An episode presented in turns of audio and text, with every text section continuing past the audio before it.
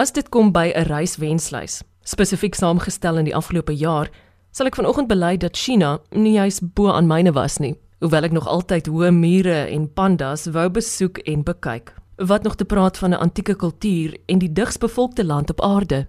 Ek hoop dit word my eendag gegeen. Maar nou wil ek graag 'n storie met jou deel wat sorg vir wonderlike landbounuus. En dis dat Suid-Afrikaanse tafeldrywe nou meer as ooit op pad is na die oosterse bestemming. Willem Besbier is uitvoerende hoof van Sati of die Suid-Afrikaanse Tafeldryfbedryf en sluit nou by my aan. Louise, ja, ons bedryf uh, is al 'n baie gevestigde, baie ou bedryf. Ons het 2 jaar gelede het ons uh, ons geskiedenis opgeskryf want toe was dit die 125ste jaar gelede wat die eerste Suid-Afrikaanse tafeldrywe uit Suid-Afrika uit uh, uitgevoer was. Maar oor baie dekades van hierdie meer as 'n eeu uh, het ons eintlik maar ons aandag gefestig op wat ons vandag na verwys as die tradisionele markte, dis die Verenigde Koninkryk en Europa. En tot vandag toe nog voer ons ongeveer 75% van die totale oes uit na hierdie twee marksegmente Europa en VK toe uit. En dis natuurlik 'n risiko op sy eie as jy so 'n konsentrasie op op een plek het. En is dit een van ons strategieë om te kyk of ons in 'n uh, redelike kort tyd ander markte tot betekenisvolle markte kan ontwikkel. En ons het deur 'n analise gegaan en die interessantste was vir ons Asië, Suidoos-Asië, die Verre Ooste en binne dit het ons toe op China besluit om 'n paar redes. Een is ons het marktoegang tot China twee eh, China het 'n eh, ongelooflike groot ekonomie wat nog steeds groei. En dan baie interessant van daardie wêrelddeel is dat ons hoef hulle nie te gaan leer om vrugte te eet nie. Hulle het eintlik vrugte verbruikerskulture en ons het toe besluit om 'n markontwikkelingsveld op daar te loods Die veldtog was beplan om al verlede jaar af te skop en toe het COVID-19 en die inperkings wêreldwyd het ons in die wiele gery en toe het ons vir jare bietjie slimmer gewerk en ten spyte van al die inperkings het hierdie veldtog uiteindelik van die grond af gekom en uh, is dit in hierdie tyd omtrent al uh, afgehandel. En ons is ook baie bevoordeel in die verband dat die departement van landbou van die Wes-Kaapse regering ons vernoot is in hierdie veldtog uh, met markontwikkeling vir Suid-Afrikaanse taalverdrywe in China. Dis 'n groot slag wat jy gele geslaan het. Ek wonder hoe penetreer mense hierdie moeilike markte? Wel dit is baie moeilik, maar ons het die mark by verskeie kere besoek. Eks boere en bemarkers is gereeld in China en ons het oor tyd en ek spesifiek met my kollega uh, het in die kleinhandel, in die groothandel, op die groot markte in China het ons maar rondgeloop en met die besluitnemers daar gepraat. En ons het probeer vasstel wat die sleutel suksesfaktore is van 'n produk daarso en ek dink uh, die luisteraars sal weet dat Chinese is baie gesofistikeerde verbruikers veral wat vrugte aanbetref want vrugte is in die Chinese kultuur eintlik 'n geskenk item en 'n fees item wat uh, by feesgeleenthede verbruik word. So die voorkoms en die gehalte daarvan weeg baie swaar by hulle. So ons moes absoluut op daarop uitgaan om op 'n goeie gehalte produk met goeie eetgehalte om daarop te fokus en natuurlik omdat ons so baie ver van die mark af is, moes ons ook vasstel wat 'n kultivars het wat ons nou maar praat van het uh, sterk bene wat die reis vanaf Kaapstad tot binne in Beijing of Shanghai kan deurstaan en dan nog steeds aflewer wat die verbruiker in China wil hê. En, en so het ons maar die kampanje ontwerp rondom dit. Eh, China is egter amper so groot soos die wêreld en om te dink 'n mens sou China kan oortuig of oorwin in 'n jaar se tyd met watter poging ook al is totaal onmoontlik. So ons praat eintlik maar van 'n baie baie gefokusde projek net op 'n paar stede en net op 'n paar invoer groothandel en kleinhandelgroepe. Ons praat amper nog steeds van 'n loodsprojek, maar ons is opgewonde oor die potensiaal wat dit inhou. Sou jy saamstem dat mense deesdae meer attent is op hulle eie gesondheidsgewoontes en dat dit waarskynlik tot voordeel van hierdie spesifieke bedryf ook kan wees? Wel, dit is eintlik baie interessant. Ons uh, in ons bedryf uh, en saam met ander vrugte bedrywe is eintlik uh, optimisties oor die langtermyn toekoms want ons dink die wêreld is toenemend gefokus op 'n gesonde dieet. Tweedens is die wêreld baie gefokus op die voortbestaan van die aarde of van die van die wêreld, met ander woorde omgewingsbewustheid en ek is nou hoegenaamd nie teen enige ander dieete nie, Maar dit is so dat dat die dieet oor die wêreld die slim mense sê vir ons dat om die aarde langer in stand te hou, moet die bevolking van die aarde eintlik so kom ons sê stadig maar seker toenemend 'n plantgebaseerde dieet volg. COVID-19 het natuurlik ook sy kant gebring en ons vind dat mense baie baie meer belangstel in veilige en gesonde dieet waarvan vars vrugte natuurlik 'n baie belangrike komponent is. Dis wonderlik om te gesels oor suksesverhale soos die, maar wat nog altyd vir my treffend en opvallend was met betrekking tot die tafeldryf bedryf in Suid-Afrika is die feit dat dit gaan oor mense, mense se toewyding, mense se passie en die die menslike stories binne die bedryf is absoluut eindeloos. Ja, Eloise, eh, ek is ook baie beïndruk eintlik met ons bedryf wat dit aanbetref en, en dis 'n geweldige persoonlike bedryf, jy weet. Ek probeer altyd vir mense um, verduidelik en, en en selfs met hierdie kampanje in China het ons vir die mense daar ook gesê want ons weet hulle heg waarde aan hierdie langtermynverhoudings dat jy weet as jy vandag deur ons bedryf ry, dan vind jy amper sonder uitsonderings dat die tafeldryfplase, die tafeldryfondernemings behoort aan families en dis al vir 4, 5, 6, 7 generasies in daai familie besit. Jy vind sommer op dieselfde werf drie generasies, jy weet, miskien selfs 4, die oupa grootjie, die oupa, die seun en as die kleinkinders ook al op die werf. Die honde is daar, dit is dis regtig waar entrepreneurs, dis familiebesigheid, dis mensbesigheid. En die ander ding is dat ook verby die eienaarskap. Jy weet, ons het ook 'n kommoditeit of 'n vrugtesoort wat jy kwaliek grootskaal kan mekaniseer.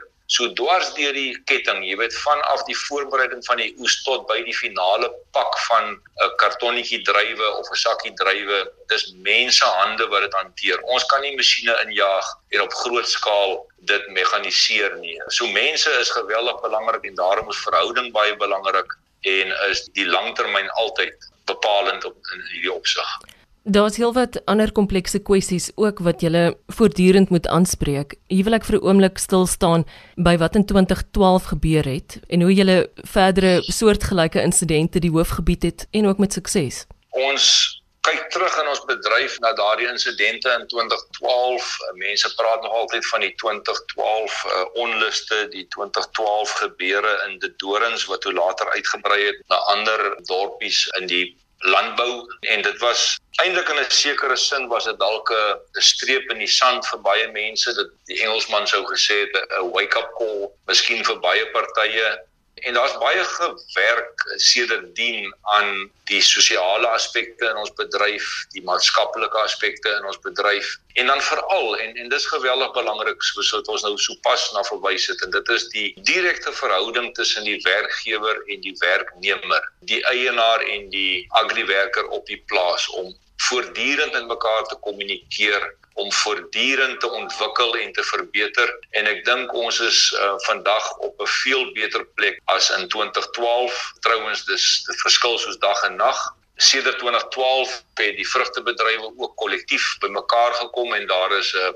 organisasie gestig met die, met die naam van CISA wat werklik ware onafhanklike platform geskep het waar die sosiale praktyke, die sosiale standaarde en die maatskaplike praktyke en standaarde op plase en in pakhuise objektief teen wetlike standaarde maar ook teen die verwagting van die wêreld eh, verbruiker en die wêreld se kopers van ons produk dat dit teen gemeet word en voortdurend verbeter word. So ek kan met oorgawe maar ook met nederigheid sê dat ek dink ons bedryf het baie gegroei en baie ontwikkel sedert daardie moeilike tyd in in 2012. Dit voel ook vir my met al die gebeure, ek dink aan die droogte. En dan dink ek ook aan, jy weet verlede jaar en wat ons geleer het rondom COVID-19. Sou jy sê daar was nuwe planne gemaak en nuwe oplossings gevind waarop jy in die toekoms kan voortbou?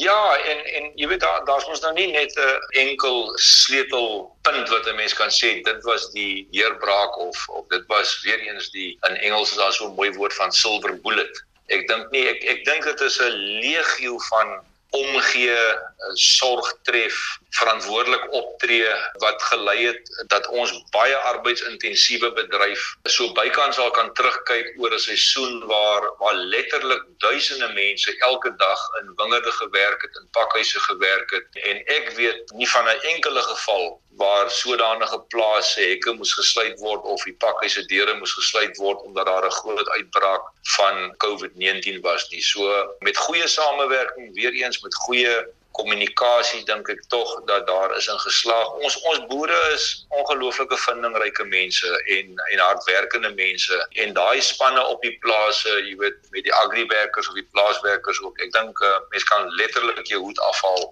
vir die poging en die toewyding wat ons die afgelope jaar en selfs 2 jaar gesien het in hierdie verband. Waarna sien jy nog uit in terme van die tafeldryfbedryf in Suid-Afrika wat nog gaan gebeur of wat jy beplan vir die res van 2021?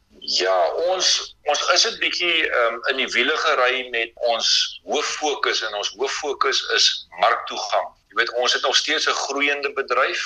Die hektare brei nie meer baie uit nie, maar um, ou wingerde en veral ou generasie kultivars word met nuwe generasie kultivars vervang wat veel hoër opbrengste per hektaar lewer. Ons vind dat die wêreldmarkte vir tafeldrywe is is al redelik versadig vir al die tradisionele markte en het ons 'n baie groot ambisie om nog nuwe markte by te kry.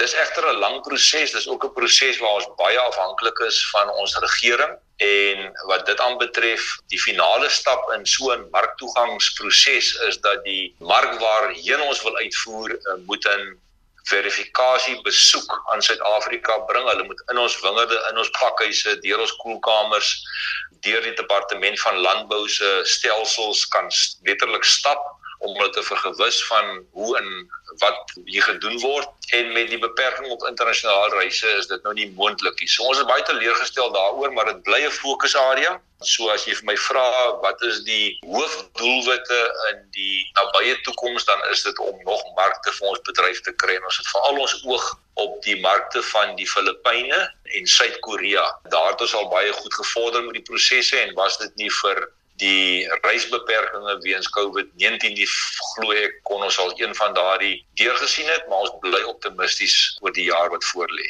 Ek dink dis sommer ek is is interessant ek eintlik is so 'n bietjie my mou gelag self want ek het onmiddellik aan 'n storie gedink vir jare het het die tafeldrywe bedryf het weer volume gewys. Het ons eintlik 'n baie goeie oes afgehaal. Trouens dit is groter as enige vorige oes wat wat afgehaal is. Maar volume is natuurlik nie alles nie. Jy weet dit bepaal mos nog die inkomste nie. Daar is 'n gehalte faktor daar is 'n logistieke faktor daar's 'n prysfaktor daar is 'n wisselkoersfaktor. So mens moet nou nie noodwendig in volume lees dat dit 'n verskriklike suksesvolle jaar was nie. En en dit is ook so ons het vir jare 'n baie goeie volume jaar maar dit is maar gemeng met baie teleurstellings met ongeleë reënoplekke en hier en daar logistiek wat skeef geloop het en dan gehalte wat 'n bietjie uh, in die wiele gery is. Maar oom Ad Hoekstra wat een van die bekendste boere hier in die Bergriviervallei is sal altyd vertel kyk hy het as 'n jong Nederlandse man 'n seun het eintlik kom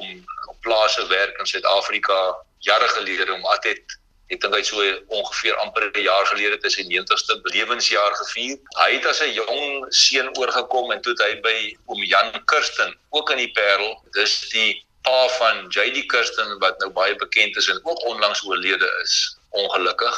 Uh, maar wie se seuns altes uh, Neil uh, nog baie betrokke is uh, in die bedryf trouens Neil is uh, op die Sati direksie maar oom Ad vertel altyd dat oom Jan Kirsten het destyds vir hom gesê Ad dis baie baie beter om een kartonnetjie druiwe vir 2 pond te verkoop as om twee kartonnetjies druiwe vir 1 pond elk te verkoop. Nou nou daai is nou so 'n bietjie van 'n van 'n gehalte les en nou jy weet hoe lank terug dit was dat om Jan Kirsten nog in ponde gepraat het. So die les uit uh, die uh, storieetjie van om Jan Kirsten wat hy vir uh, om Ad vertel het was maar net dat mens moet fokus op gehalte al moet jy 'n bietjie uh, volumeprys gee, jy sal 'n gesonder en 'n meer volhoubare besigheid daar hê. So ek dink nou altyd dis nie 'n staaltjie nie, dis 'n stukkie waarheid wat gespreek was donkie jare gelede en wat vandag nog definitief belangrik is. Eloise, ek wil bemagtiging in ons bedryf, nuwe toetreders in ons bedryf. Ek dink dit verander elke dag nog eh, lewens. Ons as 'n bedryf het besluit ons wil nie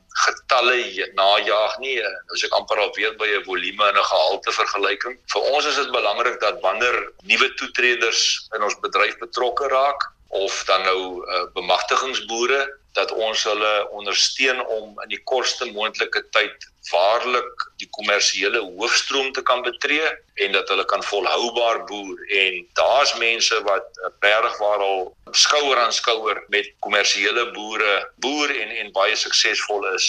Willem Besbier is uitvoerende hoof van Sati of die Suid-Afrikaanse Tafeldryfbedryf. Nog goeie nuus binne die landbousektor word binnekort weer bekyk en ek sien uit om stories van inspirasie met jou te deel. Ek is Eloise Pretorius en ek groet jou tot dan.